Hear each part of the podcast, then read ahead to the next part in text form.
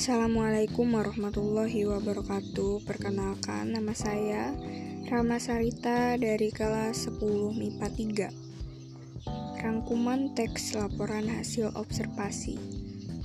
Pengertian. Teks laporan hasil observasi adalah teks yang memberikan informasi secara umum mengenai sesuatu berdasarkan fakta dari hasil pengamatan secara langsung. Dari pengamatan atau yang biasa disebut dengan observasi itu dilakukan oleh si pengamat dengan terjun langsung ke lapangan untuk mengetahui sebuah informasi yang ada. Informasi itu bisa meliputi keadaan alam, keadaan lingkungan, hewan dan tumbuhan, sosial, peristiwa, kesenian, serta kebudayaan.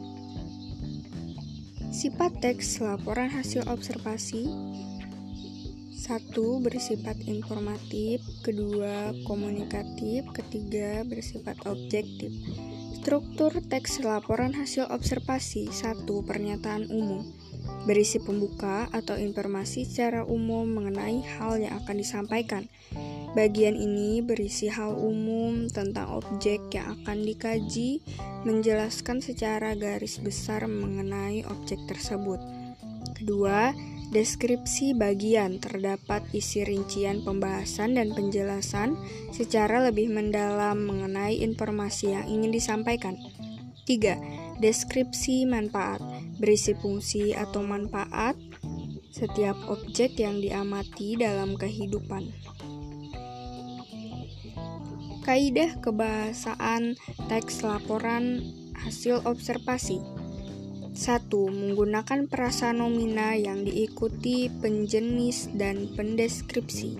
Kedua, menggunakan verba relas relasional seperti ialah merupakan adalah yaitu digolongkan termasuk dan meliputi. 3. Menggunakan verba aktif alam. Hal ini untuk menjelaskan perilaku seperti bertelur, membuat hidup, makan, tidur, dan sebagainya.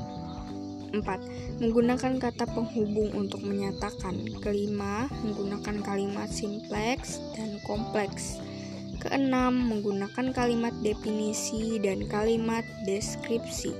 Enam, menggunakan kata keilmuan atau teknis seperti herbivora, degeneratif, osteoporosis, mutualisme, paratisme, dan lain-lain.